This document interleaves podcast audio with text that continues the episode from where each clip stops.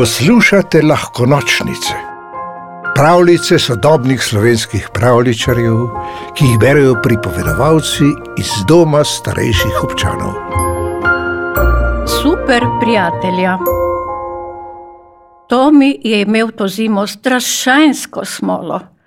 Ko se je vračal iz šole, mu je spodrsnilo na ledu in zlomil si je nogo. V bolnišnici so se odločili, da ga bodo za teden dni obdržali na bolniški posteli. Kako težko je bilo ležati pri miru in zreti skozi okno na pobeljene ulice, strehe in drevesa. Tomi je dopoldan veliko krat zaprl oči in si predstavljal, kako enkratno bi se bilo sankati, smučati in se kotaliti po zasneženem bregu, ali pa postaviti sneženega moža in se kepati. Zvečer bi prišel domov, kjer bi ga čakali skodelica toplega čaja in odeja, da bi se ogrel. A ko je odprl oči, je še vedno ležal v bolniški posteli z nogo v mavcu. Popoldan je bilo lažje. Vsak dan ga je obiskal prijatelj Maj. Z njim se je bilo mogoče pogovarjati o vsem, kar zanima fante, tudi v superjunakih. Maj, kako postaneš superjunak? je zanimalo Tomija. Takšen se rodiš ali pa se ti zgodi nekaj nenavadnega in potem dobiš super moči, je na glas razmišljal prijatelj. Kaj vse bi lahko počela, če bi imela super moči, je sanjaril Tomi.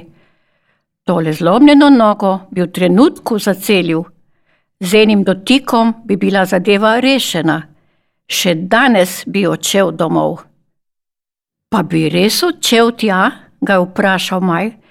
Če bi bil jaz superjunak, ne bi odšel domov. No, domov bi šel, da bi povedal, da grem na potep. In na to, na to bi poletel s pticami na drugi konec sveta, tja prek širnih puščav in nad pragozdove, čez oceane, na samotni otok, kjer je toplo in bi se lahko kopal. Juhu! Tudi jaz bi letel, švigal bi kot veter, se je nasmehnil Tomi, nevidno, zdaj sem, zdaj tja, okoli vogalov, pod mostovi, skozi krošnje dreves, hitro, hitreje, najhitreje. In klepetal bi živalmi, je rekel Maj. Razumel bi, o čem klepetajo sloni, kaj sanjajo žirafe in kako je tam globoko pod vodo. To bi mi povedal stric Sini Kit. Stric Sini Kit, se je zasmejal Tomi. Kita bi lahko dvignil z eno roko, ga požgečkal in mu voščil srečno novo leto.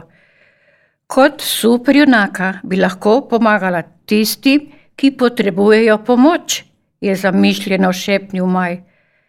Tistim, ki nimajo doma, bi ga pomagala zgraditi. Nahranila bi tiste, ki so lačni, oblekla bi tiste, ki jih zebe, potolažila tiste, ki jih je strah. In na nebo bi narisala Maurico, je nadaljeval Maj. Kadar bi hotela, bi stegnila roko in Maurica bi bila tu. In znala bi čarati. In čarala bi le dobre čarovnije, je našteval Tomi.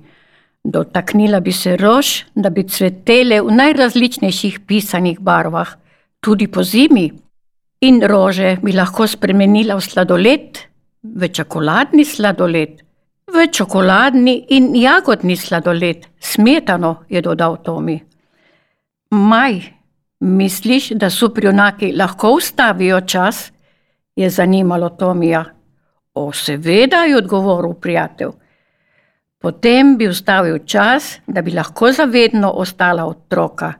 Superjunaška otroka, ki lahko počenjata, kar želita. Kot pika nogavička? Tako nekako, je prikimal Tomi.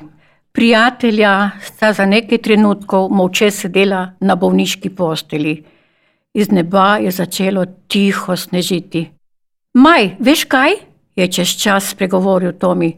Ti si pravzaprav že superjunak. Superjunak, Jaz, ga je vprašujoče primeril prijatelj. Odkar sem si zlomil nogo, si vsak dan pri meni na obisku. Ko si tu, ustaviš čas. Dolg čas se skrije in v sobo vstopijo dogodivščine. Čeprav moram biti pri miru, to sploh ni tako hudo. Če to ni superjunaško, potem pa res ne vem, kaj je. Ne vem, če je to ravno superjunaško, se je nasmehnil Maj. Rekel bi, da je to, da je to super prijateljsko. Morda je prikimal Maj. Tako je, kot mora biti, saj bi tudi ti ravnal enako, kaj ne? Seveda bi, komaj čakam, da se mi noga pozdravi. Pred nama so številne dogodivščine, ki se jih veselim. Tudi zato, ker bom imel ob sebi takšnega prijatelja, kot si ti, prijatelja, ki mi stoji ob strani, dobrem in slabem, in ki bo pazil name, ne glede na to, kam bova šla in koga bova srečala. Pravljico napisal Žiga X. Gombač, pripovedovala Ana Golob. V deželo princesk, zmajev, gozdnih vil in ostalih čarobnih biti ste vabljeni vsak večer.